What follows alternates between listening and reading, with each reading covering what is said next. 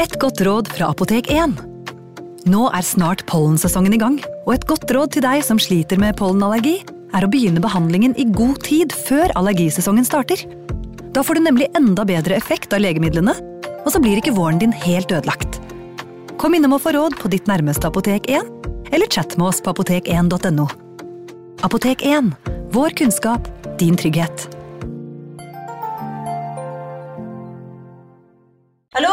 Jeg kommer fra Oslo politikammer. Ine Jansen er purk. Er du purk? The motherfucking bitch. Alt jeg vil, er å finne ut hva som skjedde med mannen min. Jon Carew. Er jeg sikta for noe? Iben Akeli. Det er du.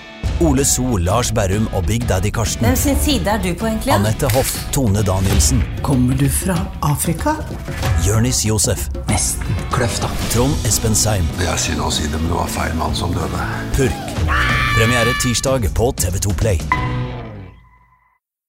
Advarsel. I denne podkasten vil du høre historier basert på informasjon programlederne har funnet selv.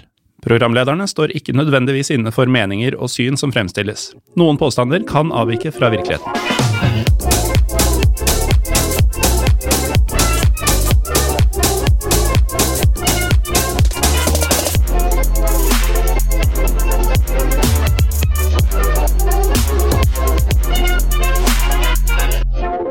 Hei og velkommen til en ny episode av Historiepodden. Mitt navn er Morten Gallaasen, og som vanlig så er du med Jim Fosheim. Velkommen. Tusen takk. Ehm, jeg tenkte vi bare måtte gå bare rett på her, øh, Morten. Fordi at øh, du har hatt en litt spesiell øh, periode i Er det pluss-minus ti dager, eller? Ja, ganske nøyaktig ti dager. Jeg um, testa rett og slett positivt på dette dødsviruset som går og herjer om dagen. Um, Ja. Så jeg har hatt en tidagers uh, isolasjon pga. koronavirus. uh, som endte da i går, uh, mens vi nå sitter og spiller inn. Så det å kunne ferdes blant folk igjen, det er ganske ferskt for meg, da. Ja. Jeg, selv om jeg ikke har hatt korona selv, så jeg ferdes egentlig minimalt med folk uansett jeg, disse dager. Men hvordan var det å Ja, det er noe med at du ikke ja. kan gjøre det. Nei, jeg vet. Det er bare å vite at man kan. Det er jo en del av Mm. greia. Men uh, hvordan var det å ha det? Merka du noe særlig til det, eller? Du, jeg har vært uh, utrolig heldig. Uh, eller jeg har vært uheldig som har fått det, selvfølgelig. Men uh, jeg kunne vel ikke hatt et mildere sykdomsforløp, tror jeg. Det var noen dager med litt sår hals og dårlig stemme som gjorde at vi bl.a. utsatte innspilling. Eh, men de siste sånn fem-seks dagene så følte jeg meg nesten som normalt. Ja. Så hvordan var det du liksom merket at uh, du hadde noe? Var det hodepine eller et eller mista lukten eller noe sånt, eller? Ja, jeg hadde um, Onsdag for uh, snart to uker siden nå, så hadde jeg litt sånn febertendenser. Frøys litt og hadde litt vondt i huet og sånn, så jeg ble hjemme fra jobb.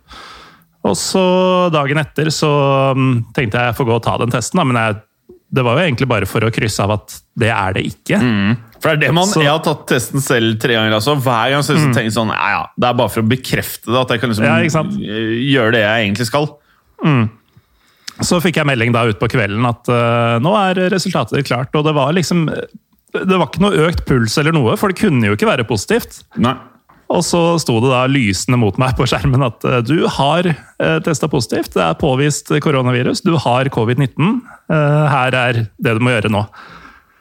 Så da ble det en sein telefon til eh, sjefen på jobb og diverse andre som var involvert, om at eh, nå er det på tide å gå i karantene, folkens. Testa de seg òg, eller? Ja da, alle var negative, så det er helt sprøtt. Jeg har eh, jeg har tilsynelatende fått det i forbifarta, sånn type på butikken eller noe sånt. Eh, og så er jeg ikke smitta noen, virker det som. Ja. ja, men Det er jo uh, helt sykt, da, for jeg vet du er uh, veldig forsiktig.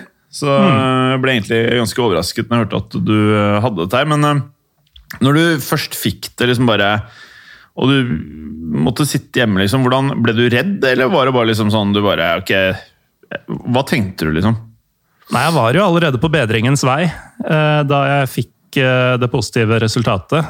Og de neste da eh, ja, den neste drøye uka som jeg var hjemme, så var det jo egentlig verst at det gikk utover andre. Altså Som lærer så måtte jo klassen min i karantene og, og være hjemme og liksom kaste bort tiden sin. Eh, I anførselstegn på grunn av meg. Eh, det var den verste Så det delen, første du gjorde, var bare å tenke på de andre, ikke på deg sjøl, med andre ord? Ja, altså jeg var jo ikke spesielt syk, så jeg tenkte Nei. at uh, det her uh, kommer til å gå bra. Ja, nei, Det er eh, godt å se deg i god eh, vigør. Eh, ja. vi har jo hatt kontakt eh, Naturlig nok ikke in person, selvfølgelig, mens du hadde korona, men du har virket ved, godt mot og egentlig bare Nå spiller vi jo inn bare rett etter at du er ute av karantene. Du virker jo helt fin. Det er som du aldri har hatt noe, liksom. Nei, det er jo litt sånn eh, jeg mindre enn eh, en forkjøla. Jeg har jo sett deg forkjøla. Jeg, jeg, Ja. Dette her var vesentlig mindre enn en eh, klassisk eh, vinterforkjølelse som jeg har sett deg med tidligere. i hvert fall. Mm. Men hvordan er det, Morten? Jeg vet jo Du liker jo veldig sterk mat. Eh, Du lager mye sterk mat. Eh, Og så vet jeg at du slet både med luktesans og smakssans eh, de siste ti dagene. Er det, smaker du noe nå, eller? Det er sånn delvis eh, Det er på vei tilbake, så jeg kjenner konturene av, eh, av smak. Men eh, jeg har liksom ikke den gleden av holdt på å si, sterk mat og sterk drikke som jeg vanligvis har ennå. Så der, der må jeg være tålmodig. Det kommer nok, men um, i dag, Morten, så har vi om eh, Navnet på episoden liker jeg veldig godt, egentlig. Ja, det er veldig sånn folkelig, lettbeint navn på episoden i dag. Ja. Eh, og det her kunne jo vært en episode som kunne vært i en annen podkast. Ja, uh, det er jo en annen historiepodden der ute som vi også lager, Uh, ved navn Historiepodden andre verdenskrig. Og den tar jo for seg folk og hendelser som har med andre verdenskrig å gjøre. Ja. Men det skal vi også i dag. I denne vanlige historiepodden. Ja, så Vi var jo litt sånn ok, for denne episoden her hadde vi jo planlagt for lenge siden i vanlig historiepodden. Og så tenkte vi, hvordan gjør vi det nå? Skal vi skyve den over på historiepodden andre verdenskrig? Men jeg syns ikke vi skal slutte helt med å ha eh, episoder om annen verdenskrig i historiepodden heller. Det er jo en viktig periode, og det er mer enn nok historier. Ja, ja. Det, historiepodden andre verdenskrig kommer ikke til å lide noen nød av at vi tar eh, litt grann i historiepodden også. Nei. Og med det så er det jo da får du ikke nok historiepodden eh, for de av dere som får den en gang i måneden, som ikke abonnerer på podden min. Eh, så er det i hvert fall greit å ta og høre litt på historiepodden andre verdenskrig. Kanskje du liker den. Og hører du på tre av episodene som er på podden min i eh, måneden, og den ene som er på iTunes, Spotify, og du ønsker fire til i måneden, så er det bare å gå inn på historiepodden. Vi, vi skriver det i historiepodden www2, eh, og abonnere der. Så er vi egentlig, eh, egentlig eh, ganske likt denne podkasten, bortsett fra at det bare er ting før, under og etter annen verdenskrig. Ja. Men nå er det jo ikke sånn at dette er en rein andre verdenskrig-episode Nei, heller. nei, nei, det er det ikke. Det er ikke det.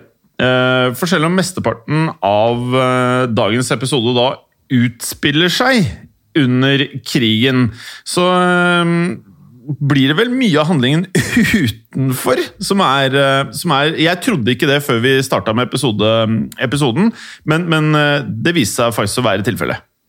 Ja, for det, altså, det er- er nesten rart å tenke på, men det, det skjedde jo andre ting i landet også, mens tyskerne var her og okkuperte oss. Ja. Dagens episode skal nettopp handle om det du nevner der, Morten. Eh, og det er om en mann som hele Norge fryktet i perioden 1943 til 1945. Og eh, greia da var jo at, eh, nettopp som du sier, man tenkte jo på nazistene i ethvert øyemed. Men han her var ikke nazist! Nei, han var altså en mann som eh, skremte Norge uten å være nazist på 40-tallet. Um, og denne mannen heter, eller het, Rolf Erling Knutsen. Og var bedre kjent under pseudonymet eller kallenavnet Rottenikken. Ja, og ettersom historien kan Altså, Denne her kunne vært en treepisoders uh, triologi. Historiebånden skulle vi tatt hele livet hans.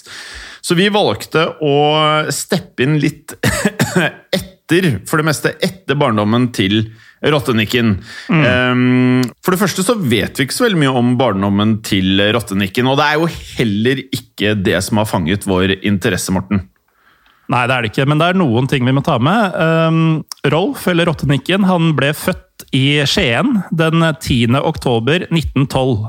Ja, og øh, det vi da kan ta med fra barndommen hans, er at uh, han vokste opp med en hel del søsken, og at uh, familien var fra fattige kår. Ja, og Utover det så var Rottenikken egentlig som barn flest. Han likte å leke sammen med vennene sine og fant på en del hyss og rampestreker.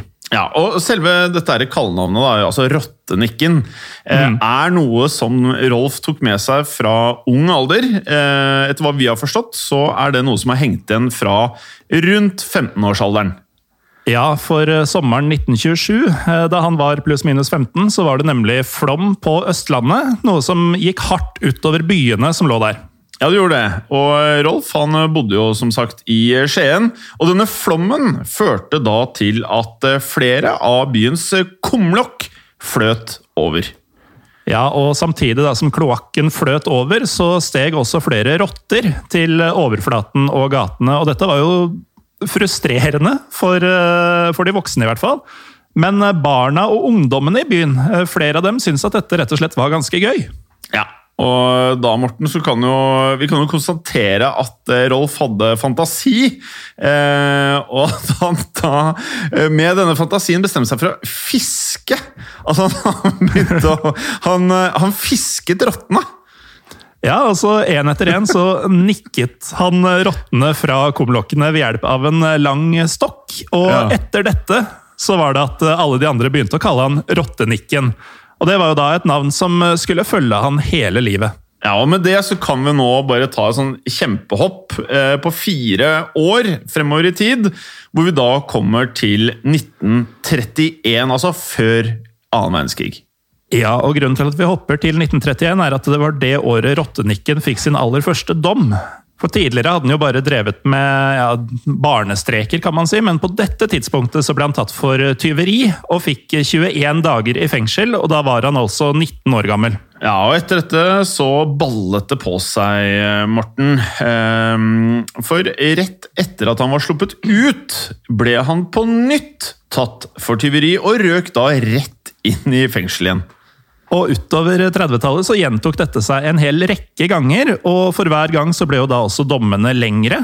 Så flere ganger så ble han dømt til et halvt år eller seks måneder i fengsel. Ja, og disse dommene fikk han eh, for eh, div lovbrudd. Blant annet så ranet han eh, noe som kanskje ikke er hans stolteste øyeblikk nødvendigvis. Han ranet en 75 år gammel dame i hennes eget hjem.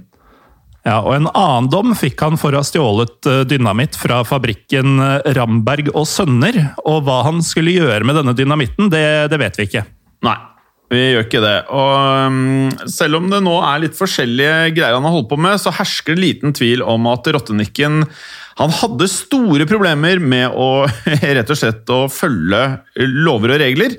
Eh, og dette var ikke noe som ble bedre etter at krigen kom til Norge i 1940.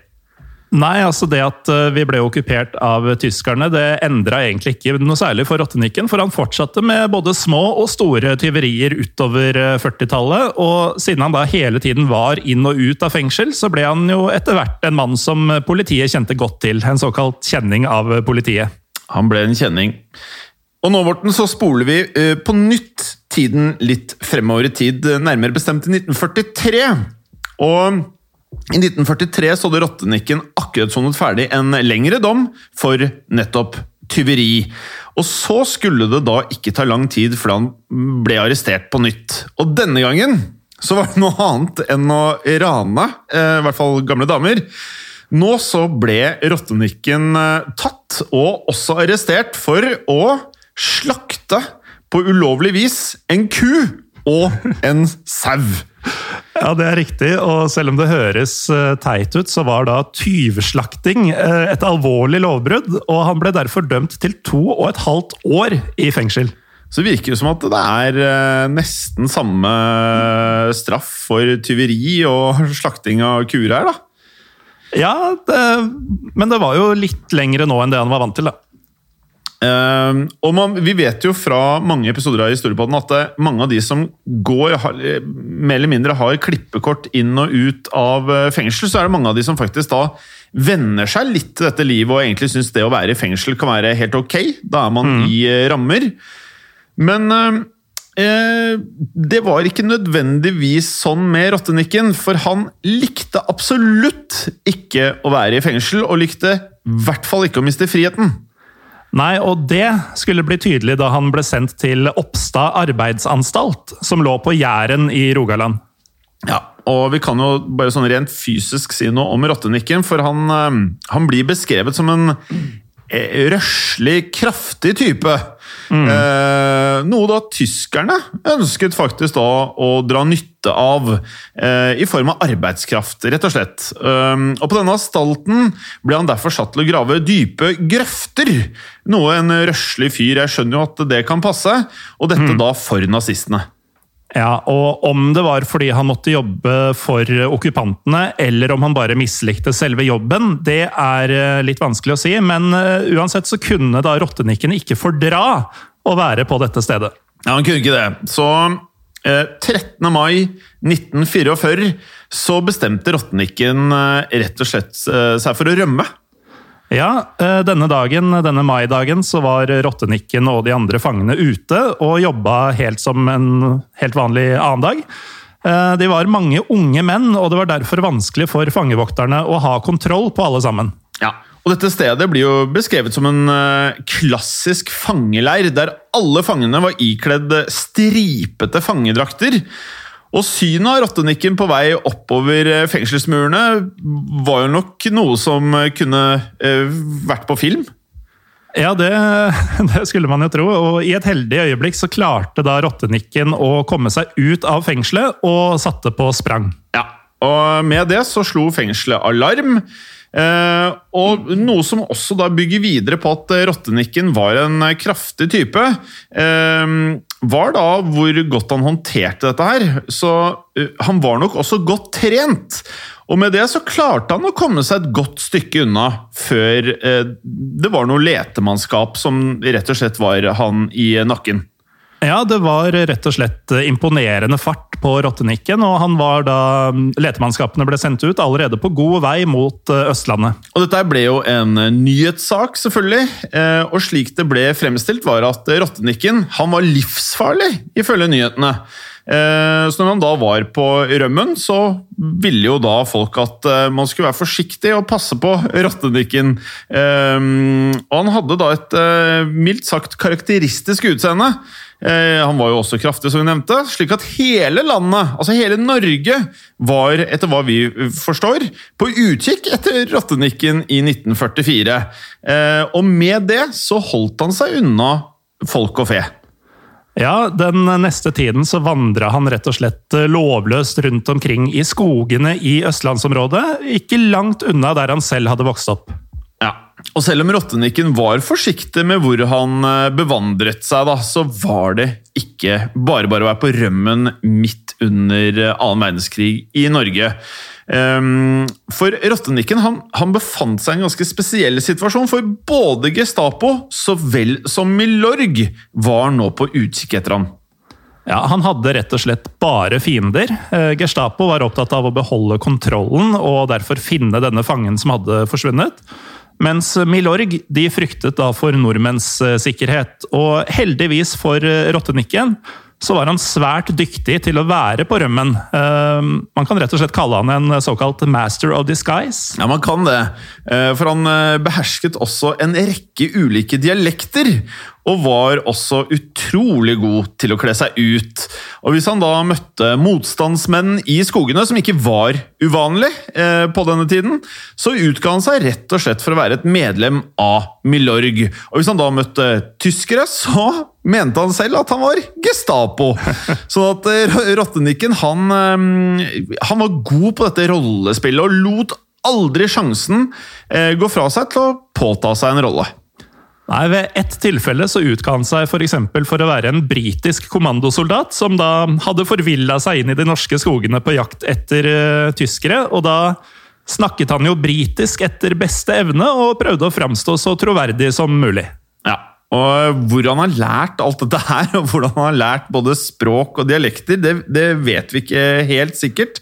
Men eh, han skal da ved flere tilfeller også utgitt seg fra ikke bare å være en eh, tysker eh, i Gestapo eller for å være nordmann, men flere ulike nasjonaliteter skal ha vært um, i bruk her. Blant annet så snakket han også da, etter hva vi forsto, delvis romani, eller romani, eller romani. Hva sier du? Uh, ja, jeg ville nok sagt uh, romani. Romani, Men, uh, det, er, det er sånne ord man liksom bare leser og ikke helt har Jeg har aldri sagt det før, tror jeg. faktisk. Men utrolig nok da, så fungerte dette utrolig bra for Rottenikken, for han, han klarte seg ganske lenge. Um, og alle han møtte på sin vei, så var han da overbevisende nok til at han ikke ble stoppet, i, i alle fall frem til sommeren 1944. Ja, for denne sommeren så hadde rottenikken reist over til Telemark og tilbrakte tida i skogene der. Og en dag så traff han på en gjeng med Milorg-medlemmer, og denne gangen så var det snakk om motstandsfolk eh, høyere opp i systemet, og han klarte derfor ikke å lure disse. Og um, disse Milorg-medlemmene de visste straks hvem de hadde med å gjøre, og arresterte rottenikken på stedet. Ja, for disse motstandsmennene de var fra Milorg i Skien. Og de tok med seg fangen til sitt hovedkvarter i Valebø, som det er et, eh, etter jeg har et eh, bitte lite område i Skien, det også. Og I likhet med nazistene så så Milorg et eh, i denne rottenikken. da.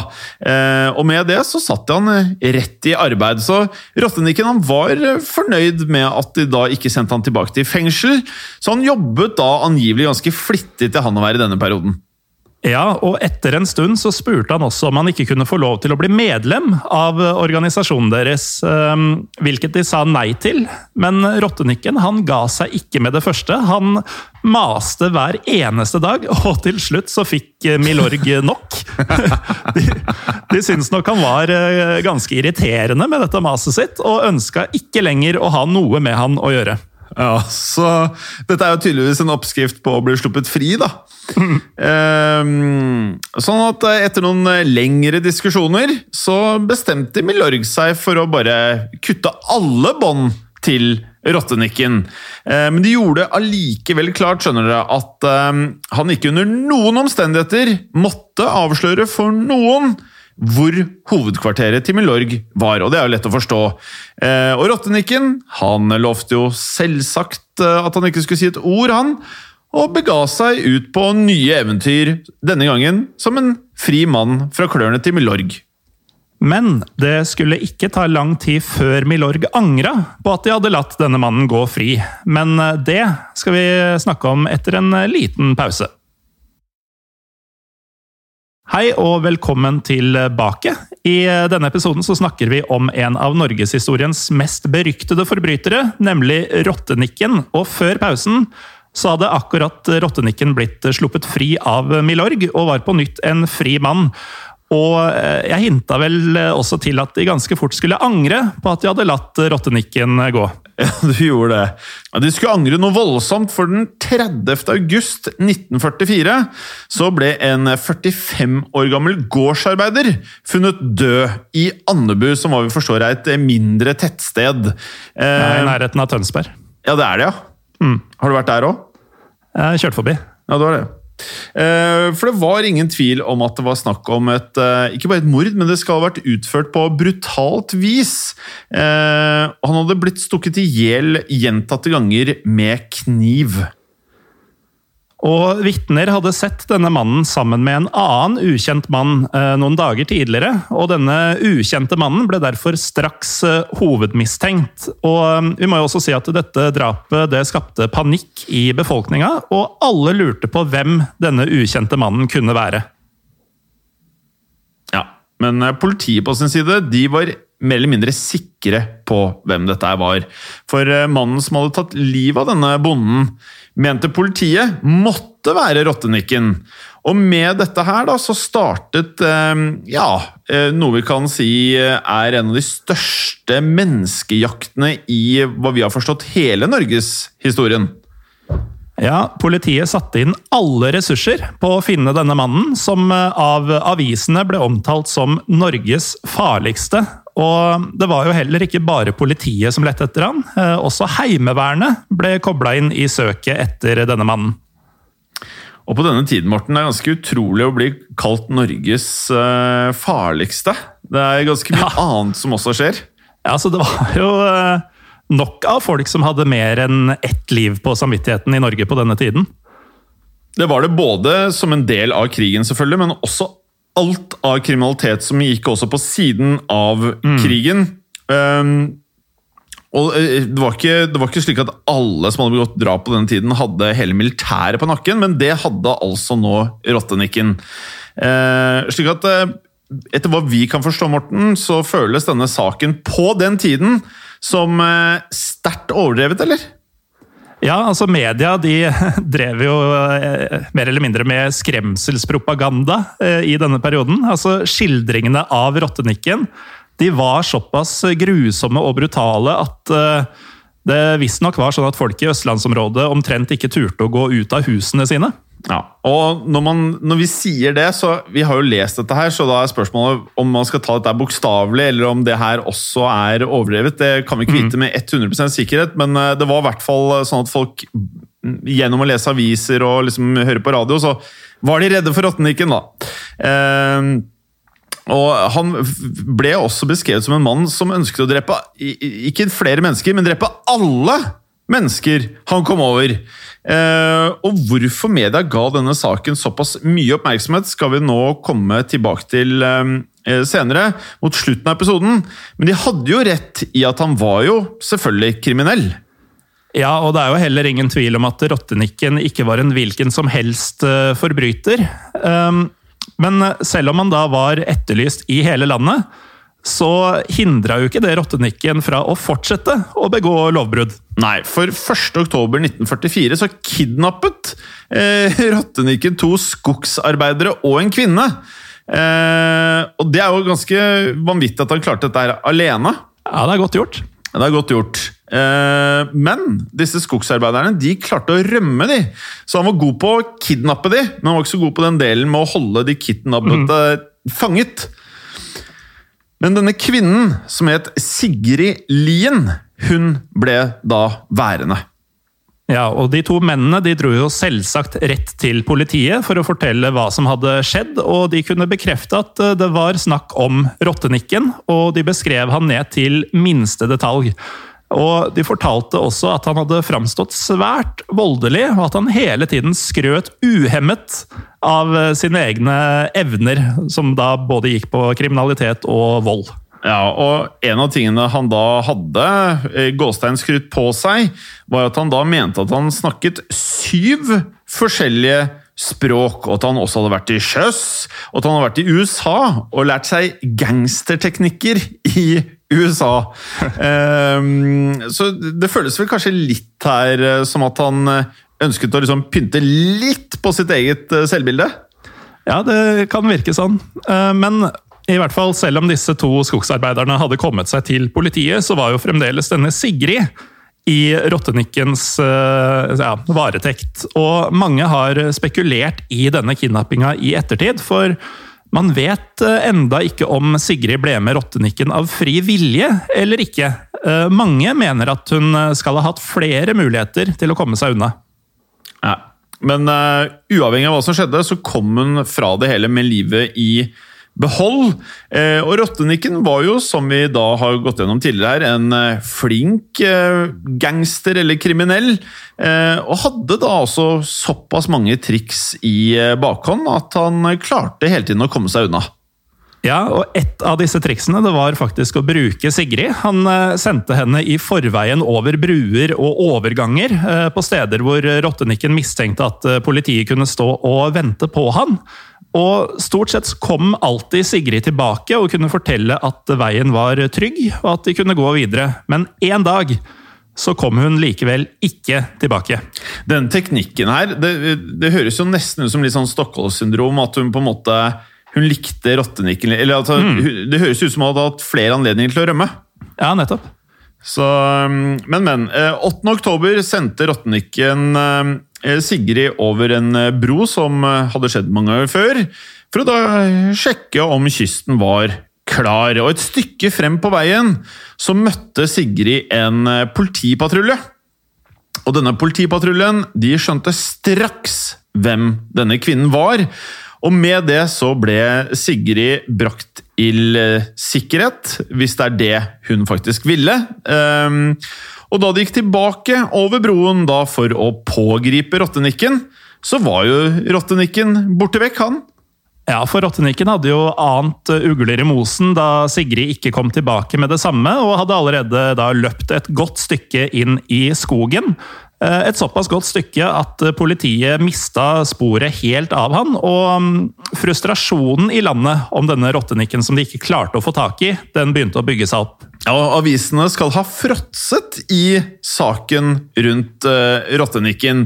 For hver eneste dag så sto det et eller annet om uh, rottenikken i en eller annen avis. Um, og han ble også da fremstilt som svært voldelig, han var fremstilt som farlig, og gjerne som en sinnssyk type. Uh, så det er jo litt av det bildet Norge hadde, så det er ikke rart at man ble redd han. Uh, mm. Men imidlertid så klarte Rottenikken å holde seg skjult neste måneden. Men så, den 21. november 1944, fikk politiet endelig fatt i Rottenikken.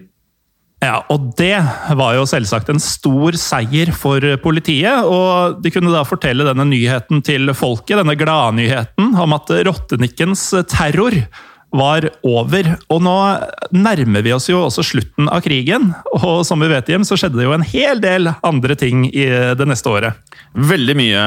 Men pga. dette her, da, så tok det hele to år før rettssaken mot eh, Rottenikken fant sted. Nærmere bestemt 22.1.1946, som du sa. Eh, Andebu, et tettsted i nærheten av Tønsberg. Selve eh, rettssaken fant sted i Tønsberg. Eh, og krigen var jo nå på dette tidspunktet over, og mange hadde glemt alt oppstyret rundt Rottenikken, som var på sin høyde eh, under krigen, som vi vet. Men eh, det skulle ikke ta lang tid før interessen blusset opp igjen rundt saken til Rottenikken. Nei, for eh, under rettssaken så var samtlige av de store avisene i landet til stede, og spesielt VG rapporterte livlig fra rettslokalene. Ehm, dette var faktisk en av de aller første store sakene til eh, VG, eller Verdens Gang. Uh, og de ønska da sikkert å, å, smøre litt ekstra på, da. Så nå skal vi lese noen av de skildringene som VG kom med. Ja. Da har vi kommet til 22. januar, og da hadde VG da følgende beskrivelse av Rottenikken. Rottenikken gjorde sin entré i grå sportsdress og hvite strømper. Han er litt usikker og ser seg sky omkring. Ute i det fri virker han slett ikke så imponerende, men inne i rettslokalet ble han straks litt mer dominerende.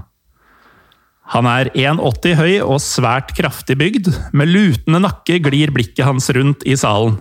Til å begynne med er han litt famlende, men han blir snart sikrere. Han er svært skarp i øynene, og sjenerer seg ikke for å se andre i øynene. I første øyeblikk røper ikke ansiktet hans forbryteren, men tross i det bakoverstrøkne hår forteller den lave pannen og de fremtredende mørke brynene at denne mannen kan være farlig. Ja, og denne gjengivelsen fra VG den gir jo da et godt bilde på hvordan uh, denne rettssaken ble dekka. Og det viktigste var ikke å få fram selve saken, men uh, heller liksom hvem denne grusomme forbryteren egentlig var. Ja, og, og så litt med det der med at de tillegger han liksom sånn at han hadde bakoverstrøkent hår og en, lav panne. At dette skulle si mm. noe om hvem han var. Ja, at han har mørke øyebryn betyr at han er farlig, liksom. jo, eh, og, og, som en følge av dette, så Eller de aller fleste avisene de forhåndsdømte jo Rottenikken, da, som vi, som vi kunne lese litt av dette her, eh, før da rettssaken i det hele tatt hadde starta. Eh, og det var få som trodde han da han erklærte seg ikke skyldig.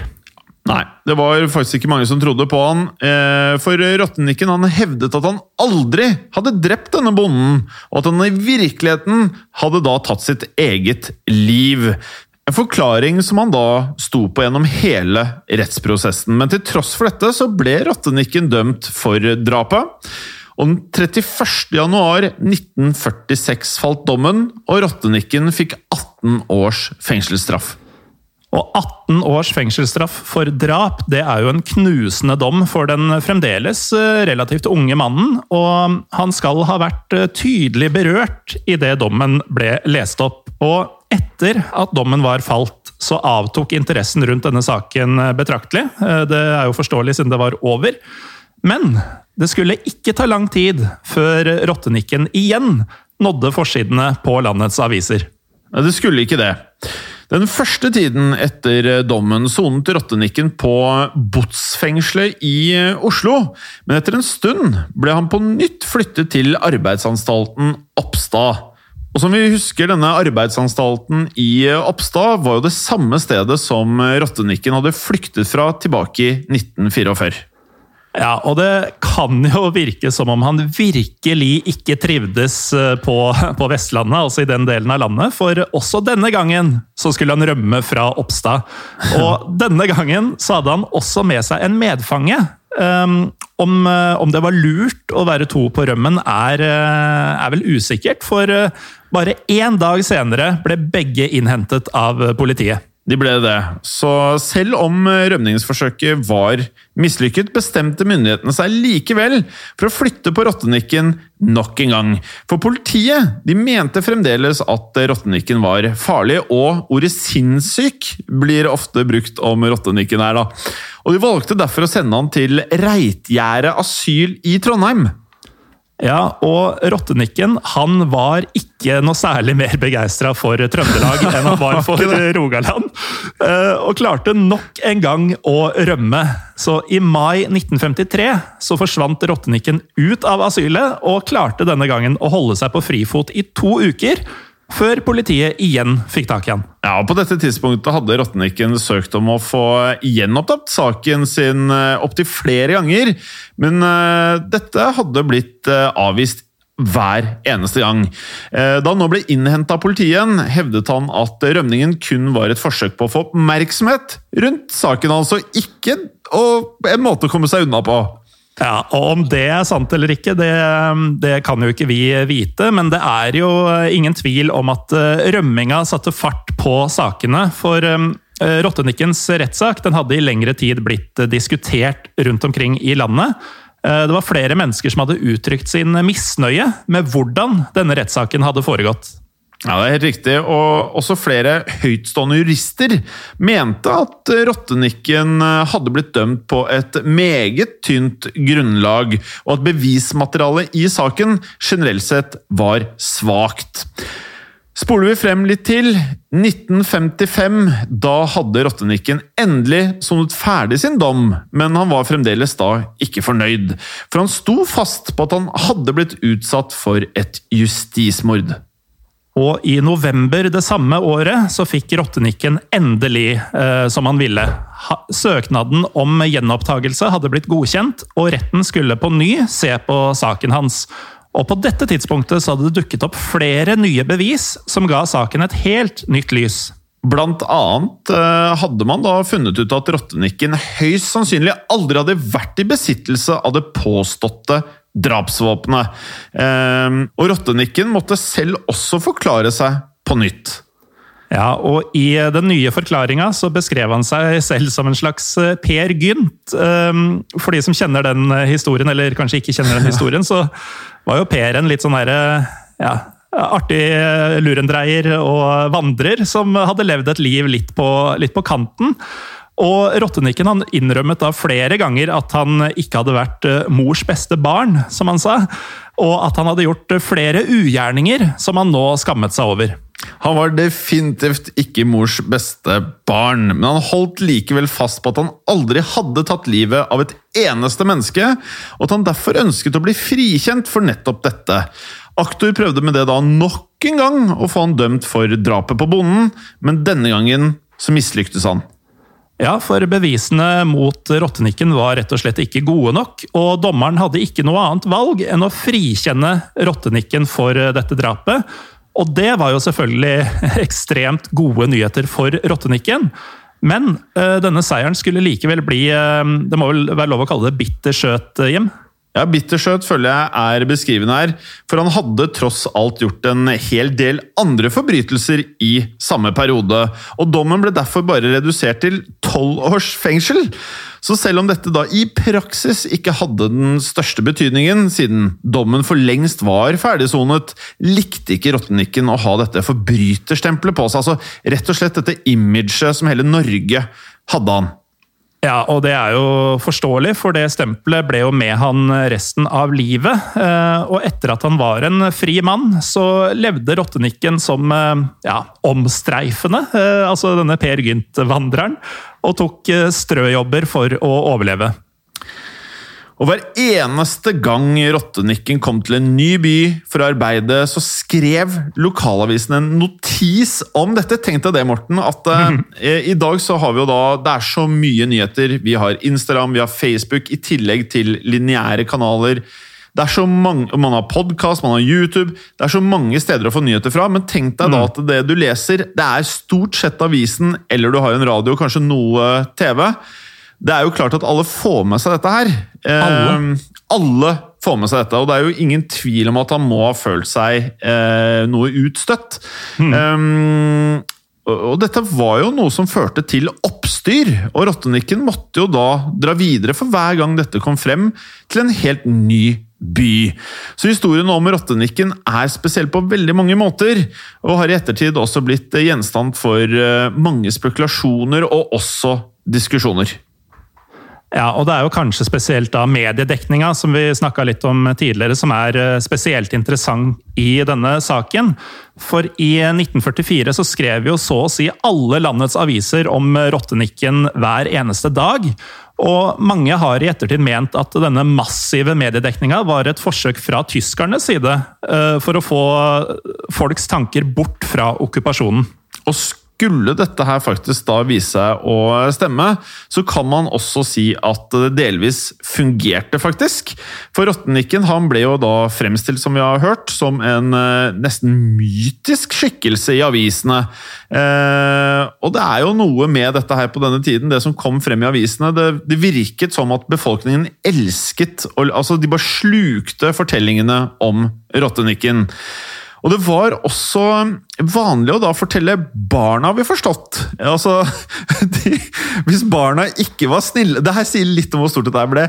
Hvis barna ikke var snille, så skulle rottenikken av alle komme da og ta dem! Ja, og det sier jo to ting. Det sier jo da hvor uh, utbredt disse sakene var. At til og med barna kjente til rottenikken. Og det sier jo også hvor Eh, hvordan han da ble omtalt i sakene, siden barna faktisk var redde for rottenikken. Men eh, denne historien er jo også en fortelling om et potensielt justismord. For eh, da denne rettssaken fant sted, så var jo rottenikken for lengst forhåndsdømt av mediene. Og som vi har sett, da, så var jo bevisene for dette drapet de var, jo, de var jo dårlige.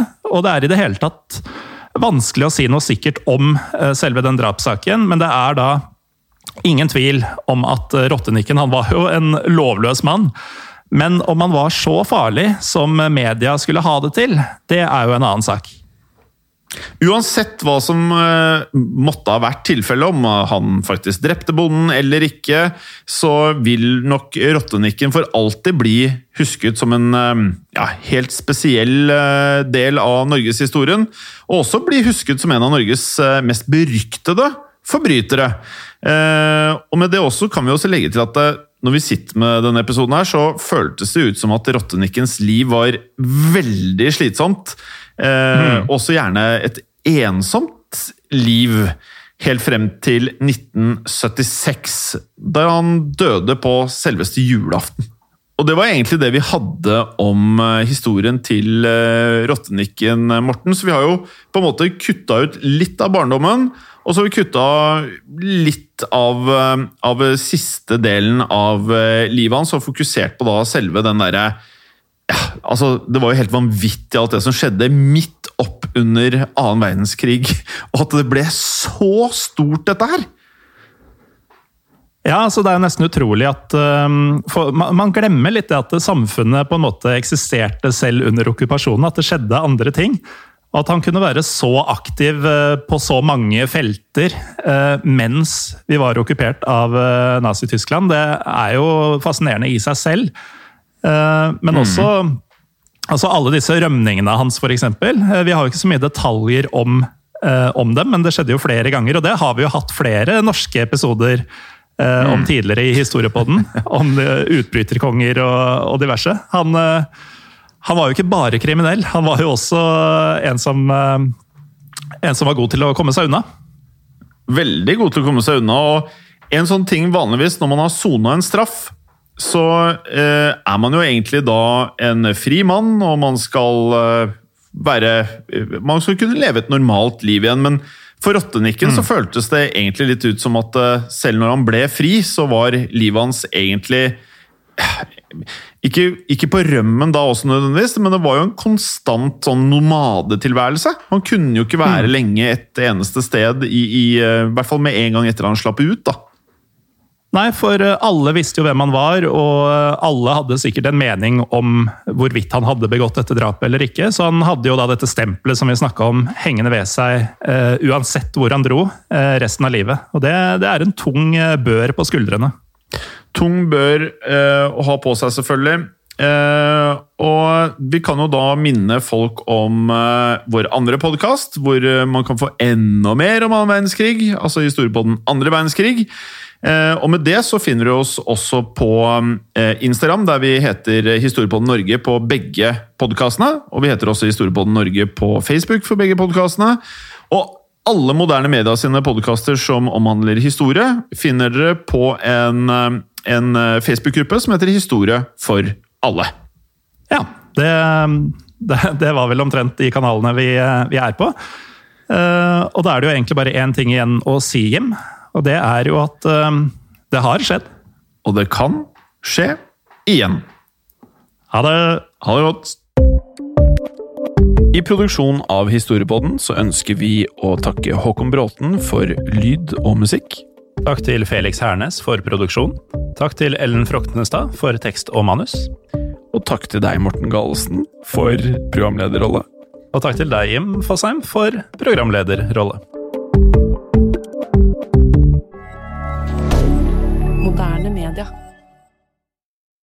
Har du et enkeltpersonforetak eller en liten bedrift? Da er du sikkert lei av å høre meg snakke om hvor enkelt det er med kvitteringer og bilag i fiken, så vi eh, gir oss her, vi. Fordi vi liker enkelt. Fiken superenkelt regnskap. Hei, og takk for at du lytter til Historiepodden. Skulle du ønske at du kunne høre en ny episode av Historiepodden hver eneste uke? Vel, da er det én ting å gjøre. Da kan du laste ned podkastappen Untold med det samme. For i tillegg til ukentlige episoder av podkaster som Historiepodden andre verdenskrig, Henrettelsespodden og også Gangsterpodden, så får du masse annet reklamefritt og også eksklusivt innhold. Last ned Untold i AppStore eller Google Play og start din 30 dagers gratis prøveperiode allerede i dag.